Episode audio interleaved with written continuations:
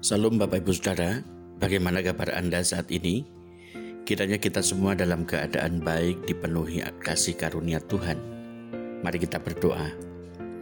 Tuhan Yesus yang maha baik, kami bersyukur Engkau mengasihi kami hidup penuh anugerah. Kami ingin mewariskan kekayaan iman ini kepada keturunan kami turun-temurun. Kami bersyukur dalam nama Tuhan Yesus. Amin. Kita akan membaca dan merenungkan firman Tuhan dari kitab Ulangan pasal 6 ayat 4 sampai 7 berkata demikian. Dengarlah hai orang Israel, Tuhan itu Allah kita, Tuhan itu Esa. Kasihilah Tuhan Allahmu dengan segenap hatimu dan dengan segenap jiwamu dan dengan segenap kekuatanmu.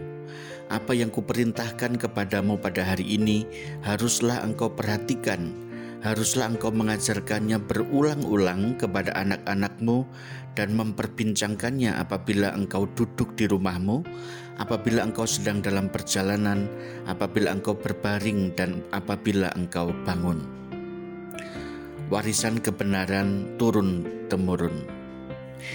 Jika boleh diringkas dalam satu kata, maka menjelaskan tentang kekristenan yang paling mudah dimengerti adalah pengajaran tentang kasih, mengasihi Tuhan dengan segenap hati, dan mengasihi sesama seperti diri sendiri. Kalau kita membandingkan dengan Matius 22 ayat 37 sampai 40, ulangan 6 ayat 5. Bagi kita, orang percaya mengasihi Tuhan bukan hanya sekedar melakukan kewajiban kita, melainkan hakikat, yaitu suatu keadaan yang tidak dapat berubah. Oleh karena Tuhan telah lebih dahulu mengasihi kita. Puncaknya Kristus mati di kayu salib menebus dosa kita, bangkit dan naik ke surga. Semua tindakan Tuhan adalah wujud nyata kasihnya bagi kita. Oleh karena itu, maka mengasihi Tuhan bukan hanya sekedar menjalankan kewajiban sebagai orang Kristen, melainkan panggilan hidup dan hakikat kita sebagai anak-anak Tuhan. Tidak ada seorang anak yang tidak mengasihi orang tua yang telah merawat dan membesarkannya. Maka bagi setiap anak, mengasihi orang tua adalah panggilan dan hakikat sebagai seorang anak. Di luar sikap yang demikian, hal itu tentu bertentangan dengan naturnya. Bangsa Israel eh, diberikan tugas untuk menyembah Allah yang Esa, penyembahan kepada Allah yang telah membebaskan mereka dari Mesir, tanah perbudakan, dan membawa mereka ke tanah perjanjian.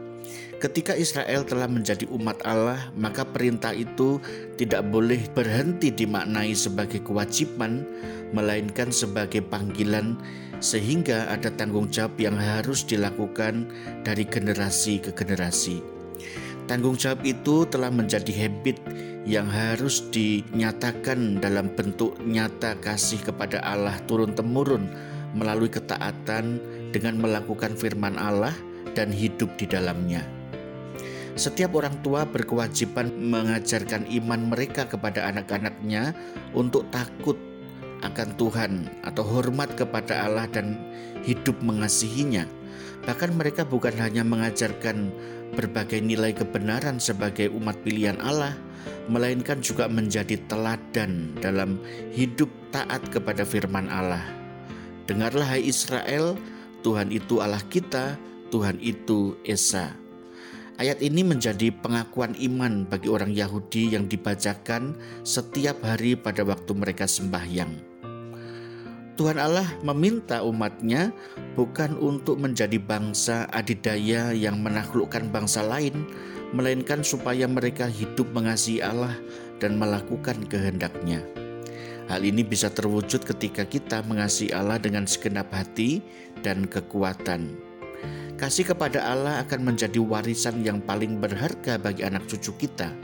Harta kekayaan akan lenyap, nama dan popularitas akan dilupakan orang, tetapi kasih kepada Allah akan menjadi warisan yang abadi.